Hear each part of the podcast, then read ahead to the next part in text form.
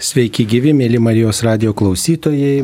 Šioje laidoje susitinkame su Kauno seserų Benediktinų vienuolyno seserimi Celina Galinytė, garbėzui Kristui. Per amžius amen. Mūsų susitikimo priežastis yra šiandien minima šventoji skolastika. E, Benediktinų šeimoje ši šventoji ypač gerbiama. Tai, e, mėly Marijos radio klausytojai, turėsime progos susipažinti labiau su šventaja skolastika ir taip pat pat su mm, seserų benediktinių darbais, galbūt ir dvasingumo tradicija. Taigi, mėla sesė, skubame mm, klausti jūsų apie šventąją scholastiką. Galbūt reikėtų mūsų klausytojams pradžioje trumpai pristatyti jos gyvenimo istoriją. Taip, šventoji skolastika, tai manoma, kad ji buvo šventojo Benedikto dvynė sesuo. Tai o, o šventasis Benediktas e, gyveno šeštame amžiuje, taigi šventoji skolastika kaip dvynė sesuo gimė tuo pačiu metu, kaip ir šventasis Benediktas. tai yra e, laikomi gimimo metai 480-ieji maždaug. Ir e, iš tikrųjų gimė jie abu du, Šventasis Benediktas ir Skolastika, e, Nursijoje gana, gana pasiturinčioje italų, sakykime, dar romėnų, bet jau tampančių italais šeimoje. E, augo kartu, suprantama, dvinukai. Ir Benediktas po to išvyko studijuoti į Romą O skolastika, e, apie kurią žinome tik tai iš Šventojo Grigaliaus didžiojo dialogų vieno skyriaus, tai e, skolastika greičiausiai buvo atiduota mergelėms, vadinasi, tuo metu nesivadino, kad būtų vienuolynai, bet tai labai panašu. Tiesiog kartu gyveno mergelė, mergaitės ir merginos, kurios nenorėjo tuoktis, gyventi skaistybėje dėl Dievo, žodžiu, tai buvo tiesiog panašu vienuolinis beveik gyvenimas.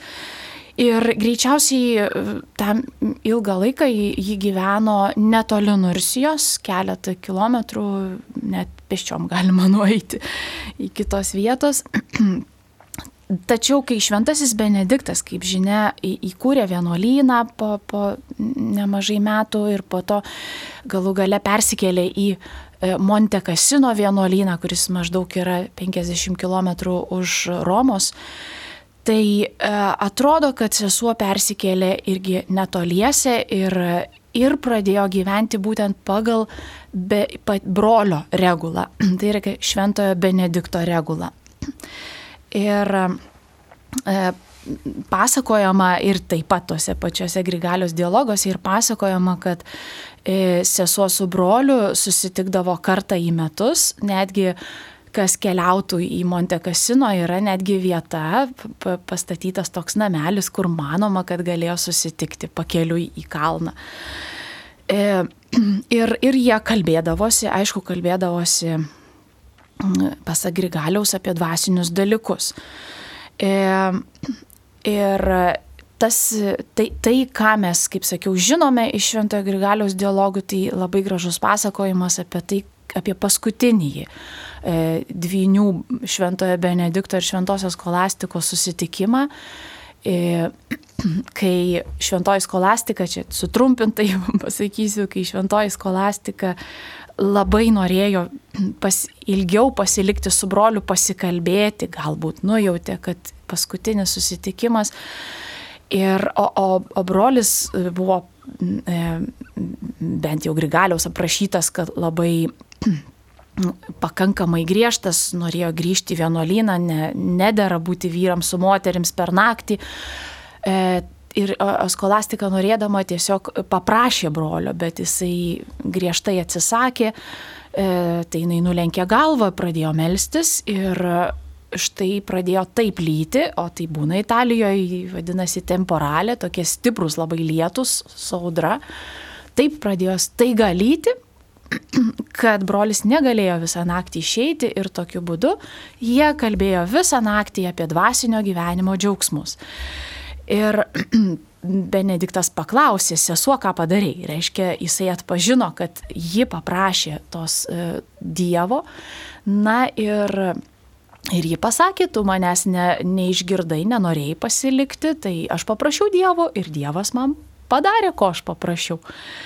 Taigi, Taigi čia toksai gražus pasakojimas ir po to pasakojama, kad po kelių dienų brolis pamatė sesers sielą kylančią į dangų. Taigi manoma, kad šventoji scholastika mirė apie 543 arba 47, žodžiu, ne prieš Benedikto mirtį, kuri maždaug laik, šiuo metu datuojama apie 550 arba 60.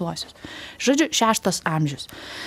Ir Taip pat Grigaliaus dialoguose parašyta, kad skolastika yra palaidota, kad šventasis Benediktas palaidojo šventąją skolastiką savo kape. Tai buvo labai išimtinis dalykas, nes jau tuo metu buvo išėjęs dekretas, kad negalima laidoti savo kape, savo artimųjų, tačiau galbūt Benediktas nežinojo šito. Ir po to, kaip šventasis Benediktas mirė, jį taip pat palaidojo. Įdomu yra tai, kad e, archeologija šiais laikais patvirtina 1950 metais po visuš, visiško Montekasino sugriovimo buvo rasta buvo atlikti nuoseklus tyrimai ir toj vietoj, kur ir buvo pagal tradiciją kapas ir buvo rasta e, dviejų e, žmonių kaulai ir tikrai vienas buvo vyras, kitas, kita moteris ir netgi, netgi ūgis pasakytas. Žodžiu, iš tikrųjų, taip ir dabar mes manom ir beveik esame įsitikinę, kaip visi benediktinų šeima, kad šventasis benediktas ir šventoji skolastika kaip dviniai ilsisi tame pačiame kape. Yra graži bazilika pastatyta ir ir tikrai galima jį aplankyti, norint Montekasino vienuolynę. Ir po to e, tas e, šventosios skolastikos ne, nebuvo taip, kad buvo specialiai paskelbtas, paskelbtas tas kultas, bet labai išplito dėl, dėl brolio. Nes šventasis šventojo Benedikto regula besilaikantis vienuoliai, kurie vadinasi Benediktinai, išplito po visą Europą Ir tuo pačiu šalia e, gyveno, net nebūtinai šalia, bet ir, ir šalia, ir, ir ne šalia gyveno ir taip pat ir moteris. E, bet visi, tiek vyrai, tiek moteris laikėsi vienos regulos, šventojo Benedikto regulos. Ir moteris laiko save irgi Benedikto įkurtos, bet e, visada džiaugiasi ir jo dvinė seserimis skolastika. Na, ta dvinė sesuo turbūt truputį yra užgošta savo brolio Benedikto kulto, šventojo Benedikto kulto, nes apie tą skolastiką visai ne, nežinome nieko ir nėra turbūt seserų, kurios vadintų skolastikės yra skolastik, šventosios skolastikos vienuolynas, bet ir, irgi vyrų arba moterų.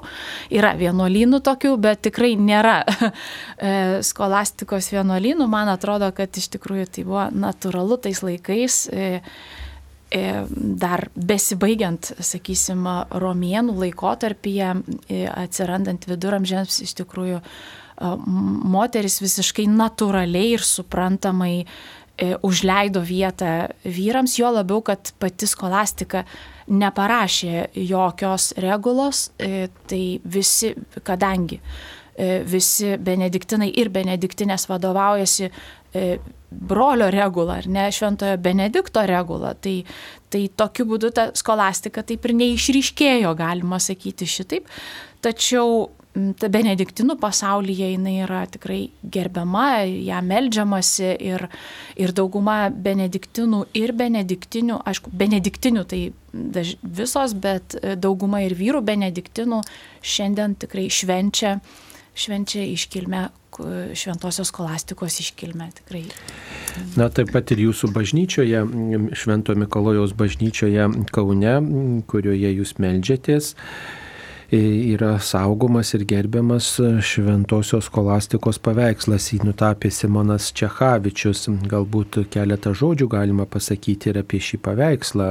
Na, vat, primenam klausytojams, kad gali lankydamiesi Švento Mikalojaus bažnyčioje bent šiek tiek susipažinti su šventaja skolastika. Taip, taip, su šventaja skolastika galima susipažinti ne tik mūsų bažnyčioje, galima ir švento, Šventosios Kotrinos bažnyčioje Vilniuje, kur, kur visą laiką buvo seserų benediktinių, vienuolių benediktinių, kurios gyvena Vilniuje.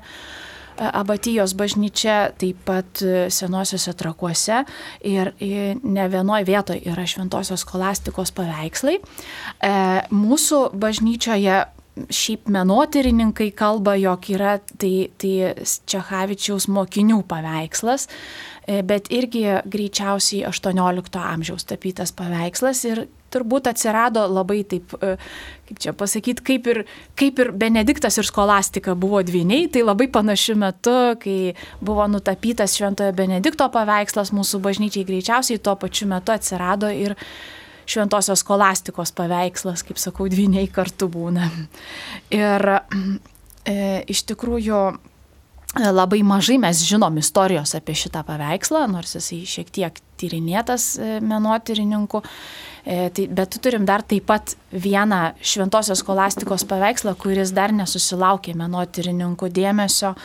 E, jisai kabo mūsų vienuolyno viduje, bet jisai, jisai yra įdomus tuo, kad e, iš tikrųjų buvo sovietmečiu atrastas vieno žmogaus, kuris savo, rado pas savo draugą palovą išplautą kaip skudurėlį.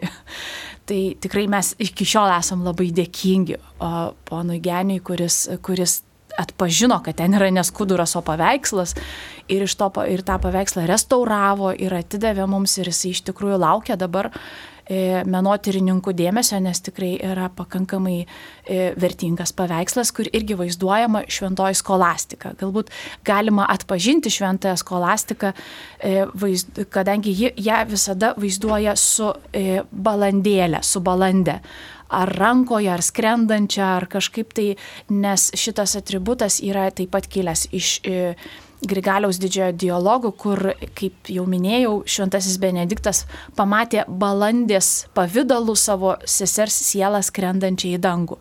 Tai šituo, dėl, dėl šito taip tiek liturgijoje pačioje vartojamas baland, balandės įvaizdis, tai susiję ir su gie, e, giesmių giesme, e, su tarsi, tarsi siela kaip sutoktinė balandėlė. Tai ir susijęs su, su šventąją skolastiką ir todėl jos vat, vienas iš tokių atpažįstamų, jinai vaizduojama dažniausiai kaip abatė, kaip benediktinė, e, labai dažnai to meto vienuolyn, vienuolės apranga, abatės apranga, su, tai reiškia su lasda, nes ganytojo lasda ir su balandėlė. Taip, tai vasario mėno e, štai skirtas net ir popiežiaus intencijose būtent taip pat e, apmastyti ir pašvestojo gyvenimo atstovių kelią, ir, nes popiežius kviečia melstis už vienuolės ir kitas pašvestojo gyvenimo atstoves ir dėkoti už jų misiją ir drąsą. Kaip dabar šiais laikais visuomenė reaguoja į E, vienuolių misija, jūsų vad benediktinių misija, ar sulaukite padėkos, kažkokių priekaištų, klausimų, mm, ar domisi jūsų keliu? E, iš tiesų, tai nu, sunku būtų sakyti apie visuomenę bendrai, bet apie žmonės įvairius, tai kaip žmonės įvairūs, tai įvairi reakcija. Yra ir žmonių, kurie yra labai dėkingi už tai, kad esame, yra žmonių galbūt e, labiausiai, ko, kur kreipia, žmonės kreipiasi, tai maldos pasitikė mūsų malda, o čia jau ir Dievo reikalas, Dievas išgirsta tą maldą, tai mes esam labai laimingos, kad galim užtarti žmonės. Iš kitos pusės yra žmonių, kurie laiko mus visai nenaudingas ir, ir čia bereikalo valgančias kitų, kitų pinigus. Yra žmonių, kurie mano, kad mes kažkokios keistuolės galėtume normaliai, kabutėse, gyventi, o, o čia gyvenam kažkaip keistai. Na ir yra žmonių, kurie laiko mus kažkokiais net pažįstamais vaikštomais objektais, kurie neaišku, kodėl šitaip taip kažkaip keistai elgesi ir keistai rengiasi ir, žodžiu, e, nes, nesuvokiami, bet ir, nu, tiesiog žmonės, kurie nesidomi, tai jiems kažkas keisto, gal net kartais baisaus, kartais ir bijo. Na, tai turbūt ir jums reikia drąsos, drąsos šiais laikais apie tą drąsą kalba, kalba ir popiežius savo intencijoje. E, ypač, sako, reikia drąsos, kad nepristiktų vienuolės drąsos, e, kai reikia priimti įvairius naujus sprendimus mūsų laikų iššūkiams įveikti. Kokie tie iššūkiai, su kuriais susidurėte, kodėl jūsų bijo ir kodėl tos drąsos reikia kartais galbūt visuomeniai išbūti, ypač tarp netikinčių žmonių. Taip, pirmas, kaip jūs ir sakėt, pirmas toksai svarbiausias turbūt iššūkis yra tai, kad e, visuomenė vis mažiau tikinti, vis mažiau susidūrusi apskritai su tikėjimu. Ir, ir žmonės ne tik, kad nesupranta, kas yra vienuolė, bet nesupranta net paprastų žodžių, žo, net vos net žodžio tikėjimas. Tai, tai, tai tas vat, toksai visiškas nesuvokimas, kas yra, tai, nu, tai, tai kelia iššūkį skelbti tą Evangeliją, bet tai, yra, tai ir yra mūsų pareiga, kiekvieno krikščionio pareiga skelbti Evangeliją, bet tai yra visada iššūkis. Ir šiais laikais, kaip prieiti prie tų žmonių, galbūt e, ir čia yra vienuoliams užduotis, nes, e, nes labai sunku prieiti prie žmogaus, e, kai, tu, kai žmogus net nesupranta, kodėl tu taip apsirengęs, kas čia yra, kas iš to kyla, tai, tai kažkaip yra va tokios baimės. Kartais, kartais tikrai reikia labiau pasaulietis gali prieiti prie kito žmogaus, kuris yra netikintis. Tai čia yra mums tikrai iššūkis, kaip, kaip tai daryti. Aišku, galbūt vienuolynui taip pat e, didelis iššūkis ir tas e, pašaukimų mažėjimas, e, kuris yra regim, numatomas visame pasaulyje. Tai, tai tiesiog kaip tai priimti Dievo akivaizdoje, kaip, kaip priimti tą Dievo valią, jisai greičiausiai žino, kodėl taip yra, tik tai mes ne visą laiką suprantam Dievo valią, tai, tai va, tas iššūkis suprasti.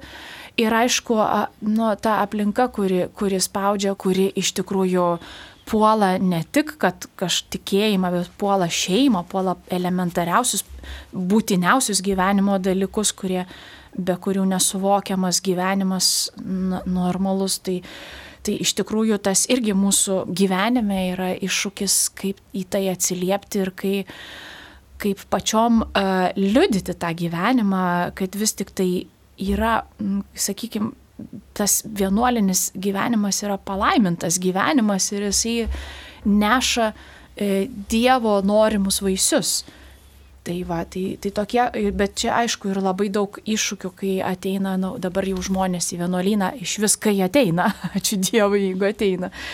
Tai, tai va tas, tas individualizmas toksai labai stiprus yra, mm, tas skri, apskritai dabar visuomeniai kriterijus malonumas, tai tiesiog reikia permastyti tą kriterijų, bet aišku ir bažnyčioje mes turime iššūkių, nes popiežius Pranciškus kviečia visus vienuolius atsinaujinti, kreipti dėmesį į, į nu, kad, kad nesustabarėtume, kad mes pačios prisitaikytume, išgirstume tą Dievo šventosios dvasios balsą, e, kviečiantį kitaip gyventi galbūt, bet mums kaip benediktiniams iš tikrųjų tai yra, tai yra e, suvokiama ir įprasta, nes mūsų vienas iš įžadų yra vadinamas arba nuolatinio atsivertimo arba gyvenimo būdo, bet jo pamatas yra nuolat atsiversti, kasdien atsiversti. Tai yra ir yra tai, kam kviečia popiežius Pranciškus - klausyti šventosios dvasios balso. Nu, labai įdomu tas nuolatinis atsivertimas, tai gal galite trumpai duoti receptą, kai mes girdim, girdim, atsiverskite, atsiverskite ir va, jau kovo mėnesį prasidės šitas gavėnios laikotarpis, tai ypač dažnai tas žodis e, aidės, skambės, ką reiškia atsiversti, trumpai, kaip pasakytumėte, ypač tas nuolatinis atsivertimas, jeigu aš atsiverčiau jau ir atradau Kristų, ką man dar čia daryti. Taip, iš tikrųjų kartais atrodo, kad nu, vieną kartą atradau Kristų ir viskas gerai, bet, bet iš esmės juk e, vienas dalykas, e, Kristus visą laiką mūsų ieško nuolat, nesvarbu, kiek mes kartu jį atradę ir su juo turim santyki. Tai, tai va, e, tas atsivertimas kasdienis, sakysim, tai galėčiau taip sakyti, tas nuolatinis atsivertimas, tai būtų kasdien iš naujo atrasti Kristų, kasdien ieškoti, ko šiandien Jėzus nori iš manęs, e, kasdien e, žiūrėti, ką aš turiu atiduoti Dievui arba ką aš turiu paukoti, dėl ko turiu numirti, kad prisikelčiau dėl jo. Ir, ir tai yra kaip ir sinodo kelias, turbūt popiežius žinojo, priminti, kad reikia priminti bažnyčiai, jog mes esame kelionėje, tai taip ir atsivertimas yra ta kelionė su Jėzumi, kelionė vis labiau įgyvendinant Evangeliją. Na, dar vienas dalykas, kuris turbūt yra nemažas iššūkis e, vienuolynuose, o taip pat ir benediktinėms tikriausiai, tai yra klusnumas ir nusižeminimas, kaip šiais laikais, kai tiek daug to maišto, egoizmo, puikybės, to gerėjimuose savimi, savo pasiekimais, kaip tai įmanoma, kaip tai gyvendinama. Na, iš tiesų e, natūralu, kad, kad žmogiškam, žmogiškam gyvenime yra, yra iššūkis apskritai klusnumas, e, gal dar ypač labiau nuolankumas. Tačiau iš vienos pusės, jeigu matom visuomenę maištaujančią, bet suprantam, kad jeigu žmogus, o žmonių daugiausia žmonių dirba įstaigos ir įmonėse, jie nori, nenori, turi paklusti, paklusti savo vadovui. Tai yra toksai praktiškas būdas. Tai, tai žodžiu, kad iš tikrųjų mes žmogiškai vienaip ar kitaip natūraliai kažkam paklūstam. Tačiau e, vienuolinė, kaip visam pašvestajam gyvenime, tai yra, tai yra tikrai e, gyvenimas tuo paklusimu, kaip ir, kaip ir bendruomeniai, kaip ir apskritai, e, kaip sakau, vienas dalykas praktinis, jeigu nebus vyresniojo ir jam, jo, jam nepaklusi, tai bus chaosas ir nieks negalės gyventi. Tiesiog bus grinas chaosas, kurie, kuris kels įtampą. Iš, tai tą irgi šventasis Benediktas e, irgi labai įvertino ir labai daug skiria dėmesio. Uh, galima sakyti, visa jo regula yra pagrįsta klusnumu, tiek šitokiu praktiniu, kuris, kuris yra toksai būtinas bendruomeniniam gyvenimui, tiek dvasinė plotme, kai, kadangi iš tikrųjų pirmiausia, mes kur, visi, kurie sekame Jėzų Kristų, Jėzus Kristus pakluso tėvui. Ir jo ir sekame jo klusnumu. Ir ir norim, aišku, pirmiausia, norim būti paklusnus Dievui e, savo gyvenime, jeigu sekame Jėzų Kristų, tai norim ir jo pavyzdžių būti klusnus tiek jam, tiek Dievui. Ir tas santykis su Dievu yra tiesiog e, regimas per vyresnįjį. E, ir, ir tokiu būdu į tą klusnumą mes įgyventinam žvelgdamos į Jėzų Kristų. Ir, o Jėzaus Kristaus klusnumas buvo iki mirties, kaip prašo e, laiškas filipiečiams. Ir tas, tas, ta, tą mes perkeliam galbūt į savo gyvenimą, iki savo egoizmo mirties, savo, savo puikybės mirties. Ir va tokiu būdu e, klusnumas yra tiesiogiai susijęs su nuolankumu. Jeigu žmogus nėra nuolankus, jis, nu, jam bus be, be ribų sunku paklusti. Tai va todėl ugdomas ir nuolankumas. Ir šventasis Benediktas taip pat tam skiria dėmesio e, tikrai pakankamai daug savo reguloje, nus, nurodydamas netgi 12 nuolankumo pakopų arba laiptelių, kuriais e, šiaip iš tikrųjų žmogus nuolat keliauja pirmyn atgal, bet vis, vis e, eina link Dievo, nes vėl Jėzus Kristus buvo tas, kuris yra nuolankumo pavyzdys. Tai yra tiesiog krikščioniško gyvenimo esmė, e, kuri vienuoliniam gyvenime įgauna tiesiog konkrečias apčiuopiamas formas na, benediktiniška tradicija, benediktinų bendruomenės garsėja kaip tos, kurios ypač puoselė liturgiją ir kaip tik tai dabar vykstant sinodų yra proga aptarti ir, e, kaip mes bendruomenėse švenčiame. Tai ką galite pasakyti apie mūsų bažnyčių liturginį gyvenimą, apie tai, kaip žmonės įsijungia į šitą veiksmą. Na, tikrai benediktinams e, turbūt pagrindinis, sakysim, darbas, nes iš tikrųjų Benediktas vadina Dievo darbuotę. Tai Dievas darbuojasi, bet ir benediktinai darbuojasi. Tai yra, kaip, kaip sako, kas jūsų darbas, tai būtų e, liturgija, tai būtų Euharistijos šventimas, tai yra šventosios mišos ir valandų liturgija. E, ir žvelgiant taip tikrai, todėl galbūt galima sakyti, kaip benediktinams mums yra ir benediktinėms, tiesiog vadinkim skauda liturgija. Ne? Tai nereiškia, kad viskas blogai, bet tai reiškia, kad mums labai svarbu. Žvelgiam į liturgiją bažnyčioje ir, ir tai yra svarbu. Ir žvelgiam su troškimu, kad ji tikrai, kad būtų vertai švenčiama, vertai šlovinamas viešpats.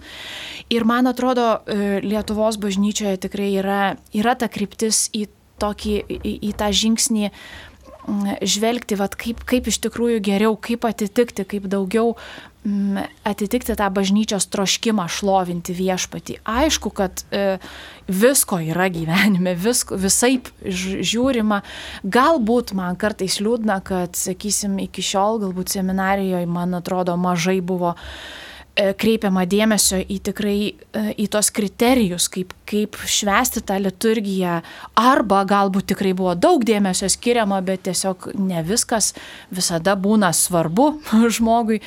Tai kartais būna žiū, žiū, žiūrėti liūdna į kokią nors liturgiją, kokioje nors bažnyčioje, bet nu, meldiesi, kad, kad žmogus bent kada nors susidomėtų, kaip iš tikrųjų geriau pašlovinti viešpatį, ne kaip atlikti, ne kaip pa padaryti kažkokią tai e, pliusiuką užsidėti, kad va čia ataukotos mišios, bet kaip, kaip ją padaryti tą, kuri gerbtų, kuri būtų pagar, pagarbus dalyvavimas dėl Dievo, kad būtų tikrai prasmingas įprasminimas viso to, kas vyksta E, Dievo garbiai.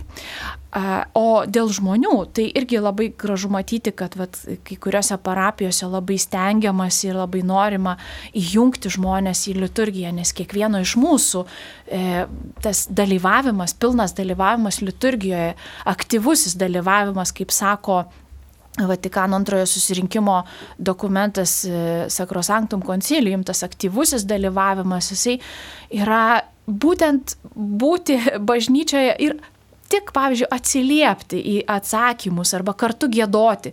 Ir tai jau yra aktyvus dalyvavimas. O jo labiau, jeigu mes bandom suprasti ar šiek tiek įsijungti ar tai skaitin, skaitinius skaitant, ar tai kažkur tai prisidedant, tai, tai yra nuostabus dalykas. Mes tada kartu dalyvau, dalyvaujame tave viešpatė šlovinime. Tai aš tikrai labai linkėčiau e, e, ypač žmonėms suvokti, kad iš tikrųjų jų indėlis labai didelis. Būti mišiuose, dalyvauti ir suprasti, kas vyksta, tai yra, tai yra didžiausias indėlis, ką kartais žmogus gali padaryti. Ir, E, ir manau, tai į tą, į tą mūsų bažnyčią keliauja ir gali keliauti. Na, Marijos radio klausytojai turi progą kasdien e, klausytis ir kartu melstis e, su benediktinėmis, kai yra gėdama e, dieninė malda ir taip pat vakarinė liturginė malda. Kaip jūs, kai, reiškia, melžiatės keletą kartų per dieną ir dažnai kartojasi ir tos psalmės ir skaitiniai ir tie tekstai, kaip nugalite rutiną, kuri vis dėlto kartais ir sumenkina mūsų dvasinį gyvenimą, mūsų maldos kelią. Iš tiesų, e, tai dažnai kyla klausimas apie rutiną ir dažnai būna, kad tik, ne, nes neįmanoma žmogui susikaupti nuolat. Tai e, aišku, ta valandų liturgijos malda, kaip vat, jūs sakėt, kiekvieną keletą kartų mes, mes tai susirenkam e, keturis kartus per dieną, bet iš tikrųjų ji yra ir yra būtent ta keli kartai per dieną tam, kad dieną pašventinti malda. Ir natūralu, kad iš tikrųjų žmogaus smegenys negali būti susikaupę nuolat ir dažnai būna, kad nuklysti, dažnai būna, kad vat, psalmės kartojasi e, tos pačios, tačiau vienas dalykas, e, psalmės yra e, Dievo žodis. Ir Dievo žodis visada yra gyvas, jeigu, tai todėl mes besimelsdamos visada bandom kreipti dėmesį, ką man šiandien viešpats kalba. Tai vienas būdas, kitas būdas, aišku, kadangi mm, irgi mūsų gyvenimas grįstas lekcijo divina, tai reiškia malda su šventuoju raštu, tai dažnai e, labai naudinga irgi paskaityti tas pačias psalmes arba tą, patį, tą pačią ištrauką šventojo rašto, kuris skambėjo ir su ją gyveni, ir su ją meldiesi ir tokiu būdu vėl atgaivina tą naują požiūrį į, į, į tai, kas gėdama, kas išsakoma. E, na ir aišku, tam reikia vidinių pastangų, natūralu. Dažnai būna, kad pagalvoji ir apie kotletus, ir apie kažkokius tai kitus, kaip, kaip čia reikės daryti su, su žmonėmis, kaip čia reikės dabar kalbėti, ką čia reikia sakyti. Na ir tada vėl sugrįžti, Dievas supranta, kad žmogus yra silpnas ir, ir gali išsiblaškyti. E, ir, ir tai yra, bet tai ir, ir yra, va, tas valandų liturgijos gėdojimas ir yra nuostabiausias būdas mokytis atidumo. Nes nuklysti, sugrįžti, nuklysti, sugrįžti. Bet svarbu yra tai, kad e, iš tikrųjų tai yra bažnyčios malda. Kai mes keli susirenkam melstis, bažnyčia meldžiasi ir jeigu aš šien, šiuo metu išsiblaškau, tai žinau, kad mano sesė kažkuri yra susikaupusi ir tokiu būdu mes tarsi uždengiam tame bendrame šlovinime vieną kitą ir kaip bendruomenė, kaip bažnyčia vis keliam tą vat, e, maldą į Dievą be šventųjų mišių, be liturginių valandų jūs taip pat praktikuojate ir vidinę maldą, kurią ir pasauliečiai yra pamėgę. Galbūt e, galite pasidalinti, kaip ją tą vidinę maldą puoselėjate savo bendruomenėse. E, iš tiesų, benediktinų tradicijoje e, maldos būdas nenurodytas. Aišku, benedi, bene, šventasis benediktas, aišku, suprantama, kad ir šventoji skolastika e, davė tokią laisvę e, maldos formai, kokia, kokia malda asmeniškai melstis Dievui. Suprantama, kad iš tikrųjų kiekvienas vienuolis turi savo asmeninės maldos laiką. Ir, jei, ir iš tikrųjų tai gali būti tiek e, vidinė malda, sakysim, šiais laikais gali būti netgi taip, kaip, sakysim, karmelitai meldžiasi, gali būti vidinė malda, kaip, kaip, siūlė, kaip siūlo, pavyzdžiui, jezuitai arba, žodžiu, įvairi, įvairūs būdai. E, mes esame tik tiesiog laisvos pasirinkti būdą, kurio norim melstis. E, tačiau pagrindinis dalykas benediktinams tai yra malda su šventuoju raštu. Ir būtent Dievo žodis, kuris veda į tą vidinę maldą. Dievo žodis, kuris iš esmės yra tas diev, gyvasis Dievas, e, nu, skatinantis susitikti asmeniškai su juo, būti, tiesiog būti su juo. Tai ir mūsų, juo labiau mūsų kaip vat, e, Kauno seserų benediktinių dar ypatingas bruožas tai adoracija, tai švenčiausiojo sakramento adoracija, tai mums mes e, dažniausiai tą vidinę maldą pakankamai dažnai atliek, e, būtent meldžiamės e, adoracijos metu ir tai susiję vėl tada labiau kreipiamas dėmesys į tą viešpaties garbinimą ir, ir buvimą jo akivaizdoje. Tai iš tikrųjų, aš nežinau, neturiu receptų vidiniai maldai, tiesiog manau, kad e, atradus Jėzų Kristų kaip, kaip savo viešpatį ir e, atradus jį kaip artimą, e, patyrus tą Jėzaus artumą, žmogus dažniausiai trokšta būti vis arčiau jo ir, ir tas artumas iš, ir, ir Jėzus, ir leidžiant Jėzui veikti, tas tą artumą jisai puoselėja, jisai pats padeda atrasti jį. Tai aš tiesiog kvieščiau, e, kvieščiau tiesiog paprasčiausiai leisti Dievui veikti ir siekti to, trokšti to artumo su savo viešpačiu. Taip ačiū, mums parašė žinutę. Klausytojas klausia, ar galima atvykti jūsų vienuolyną kelioms dienoms, ar organizuojat rekolekcijas dvasinį palidėjimą? E, taip, į mūsų vienuolyną galima atvykti kelioms dienoms iš anksto susitarus. Tai mūsų vienuolino puslapyje benediktinės.lt yra visi kontaktai, galima, galima tikrai kreiptis ir prašyti. Aišku, iš karto pasako, mes esam, mes pačios gyvenam vidury miesto, tai labai didelės tylos neturim aplink save, tačiau tikrai turime e, visos dienos adoraciją bažnyčioje, tikrai galime, galime kviesti jūs.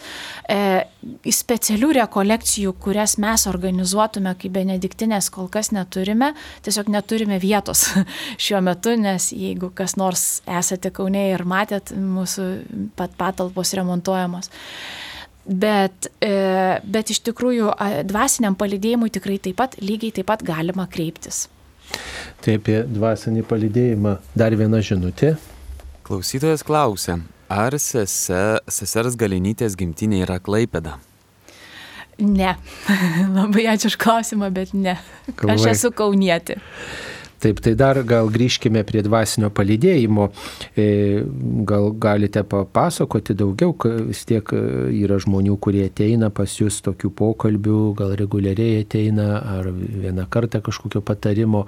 E, įprasta, kad tokia tarnystė dažniausiai atlieka kunigas ten iš pažinties metu arba, arba šalia iš pažinties, o kaip vat, jums seserims šita tarnystė.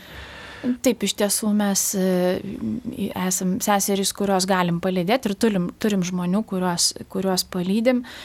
E, iš tiesų tai skiriasi ties nuo, nuo išpažinties, iš esmės skiriasi, nes išpažintyje daugiausia sako, tai yra sakramentas ir, ir e, tai yra tik tai galima išsakyti tai kunigui, savo nuodėmės ir gauname atleidimą, e, sakramentinį nuodėmį išrišimą, o tuo tarpu palydėjimas tai yra toksai būdas, kai galima žmogų, tas ir žodis yra palydėjimas, palydėti tikėjimo kelionėje, aišku, pačiam žmogui norint. Jeigu, jeigu žmogus tiesiog mato, e, kad jam reikia, aš, aišku, kiekvienam krikščioniui atradusiam Dievą ir norinčiam toliau keliauti savo tikėjimo kelyje yra labai gerai turėti tiesiog, sakykime, vyresnį brolį, vyresnę seserį, kurie galėtų pagelbėti, e, keliauti toje tikėjimo kelionėje ir nenukrypti į kažkokius tai e, į, į kažkokius kraštutinumus, kas yra būdinga žmogui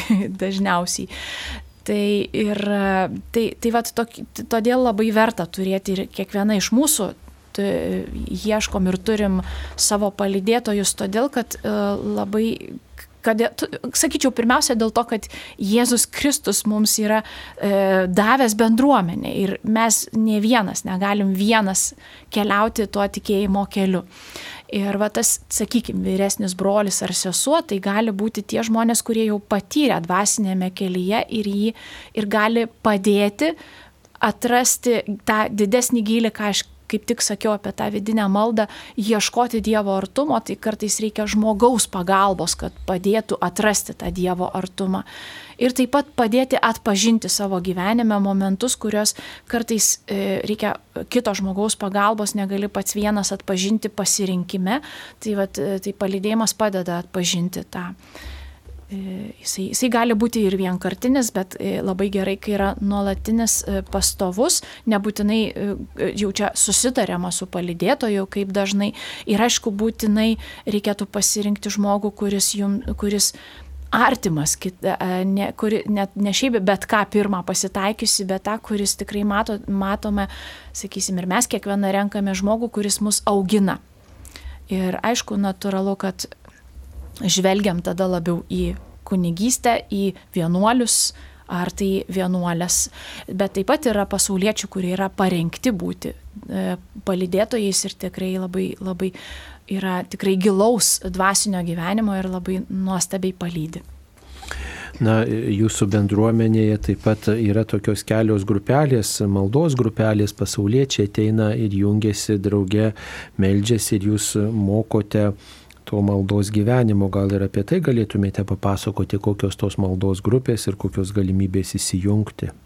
Taip, mūsų bendruomenėje mes tiesiog iš, iš tos mūsų sielovados, ką mes vadinam, e, kilo tikrai nemažai grupių, bet pirmiausia norėčiau pasakyti, va, tą, kadangi šiandien vis tiek šventosios skolastikos iškilmė, tai yra tokia e, prie benediktinų būna dar ir tokia pasauliečių grupė, kurie dalinasi tuo benediktinišku dvasingumu, tai vadinami oblatai, nuo žodžio oblatus paukotas, latiniškai vėl taip pat iš benedikto regulos žodis atėjęs, kai buvo Benediktas kalbėjo apie žmonės, e, apie vaikus, kurie paukojami, gali būti paukojami e, vienuolynui. E, šiais laikais, aišku, taip ne, nevyksta, vaikai neaukojami vienuolynui, vaikai turi aukti šeimoje, bet e, suaugusieji naud, nu, taip pat e, naudojantis vis, vat, būtent šituo, nuo pat, nuo pat, sakysim, benediktinų gyvenimo pradžios yra atsiradusi ta dalis suaugusiųjų, kurie laisvai savo norų įsipareigoja būti, dalintis benediktinišku dvasingumu. Jie gali būti, kad jie meldžiasi kažkokias valandų, valandų liturgiją, dažnai susitinka e, patys kaip, bendru, kaip grupė, pavyzdžiui, mūsų, jie nebūtinai turi būti grupė, bet e, prie mūsų vienuolino tai oblatai, benediktino oblatai renkasi kaip grupė, e, galima galima, aišku, prisijungti, tai į šitą grupę kviestume tuos, kurie, kurie tikrai nu, nu, domisi benediktinišku gyvenimu, kuriem įdomu, kaip e, galima e, benediktinišku dvasingumu gyventi pasaulyje. E, tai, tai į tą grupę, į, į oblatų grupę galima visada kreiptis į mūsų vienuolyną, mes pasakysim, kur, pas ką kreiptis ir, ir kaip visa tai vyksta. O šalia to, tai čia jau toksai, sakysim, tiesiogiai susijęs su benediktinišku gyvenimu, e, pasauliečių grupė, o taip pat turime e, turime visų įvairių grupių, ypatingai vat, labai džiaugiamės e, pasauliečių bendruomenė teofiliai, e, kurie kažkada gimė iš alfa kurso, pas, alfa kurso pasiekmėje ir jie jau e, gyvuoja E, daugiau nei dešimt metų. E, ir, žodžiu, tai yra, tai yra bendruomenė, kurie savarankiška bendruomenė, bet jie e, iš tikrųjų yra mūsų labai dideli draugai, renkasi prie mūsų vienuolijos, mes labai daug bendradarbiaujam, į šią bendruomenę taip pat galima E, galima ateiti, galima bandyti, nes jie, tai šita bendruomenė taip pat turi maldos grupę, tai yra e, charizminio tipo bendruomenė, meldžiasi, e, meldžiasi taip pat su šventuoju raštu, mel, įvairiai, įvairiais būdais meldžiasi, meldžiasi rožinį, žodžiu, įvairiai. Tai, tai irgi galima susirasti, e, galima ieškoti kaip teofiliai. E, ir taip pat galima rasti skelbimus prie mūsų bažnyčios ir internete. E, ir taip pat e, mes normaliai įprastai turime kiekvienais metais e, alfa kursą, kuris yra daromas tiems tėvams, kurių vaikai ruošiasi pirmai komunijai, nes irgi rengiam pirmai komunijai, rengiam sutvirtinimui, taip pat su alfa kursu. Tai dažnai vat, būna, kad ir, ir lygiai taip pat galima sakyti, formuojasi dažniausiai ir bendruomenė kaip komanda. Ta komanda, kuri daro alfa kursą, tampa kaip bendruomenė. Taip pat žmonės, žmonės keliauja kelio, tokią kelionę ir taip pat turime dar tokį mm, trijų metų tokį ciklą, maldos mokykla vadinasi, tai tiem žmonėms, kurie e, baigia alfa kursą, dažniausiai va tiem teveliam po po pasirengimo, po to, kai vaikai jau pas, pabaigė pirmąją komuniją, dažniausiai tėvai klausia, o kas po to? Tai, va, tai galim pasiūlyti tokį ciklą e, mokytis maldos jaukioj grupė, jaukioj bendruomeniai e, trijų metų cik, cikle tai būna. Tai ir po to žmonės arba pasirenka kitą bendruomenę, arba toliau tęsia, padėdami kitiems. Tai vad tokių įvairių veiklų turime. Ačiū Dievui, kad seserys e, įvairias veiklas puoselėje, nes ir Benedikto šūkis orat labora, melskis ir dirbk, tai ir plėtoja seserys Benediktinės e, e, šitas tradicijas. Mėly Marijos radio klausytojai, šioje laidoje Šventojios scholastikos dieną kalbėjome su seserimi Benediktinė iš Kauno seserų Benediktinių vienuolynų su seserimi Celina Gelinytė apie šventąją scholastiką ir taip pat apie e, Benediktinių tradiciją, nes šventoji scholastika buvo šventojo Benedikto sesuo ir šešto amžiaus šventoji. Taigi tegul globoja mus šventasis Benediktas ir jo sesuo skolastika ir tegul Benediktinės, kągi moko mus visus maldos gyvenimo. Ačiū, kad dalyvavote šioje laidoje, ją ką sviešne kalbino aš, kuningas Saulis Bužauskas. Ačiū, sudė. Ačiū Jums, sudėvu.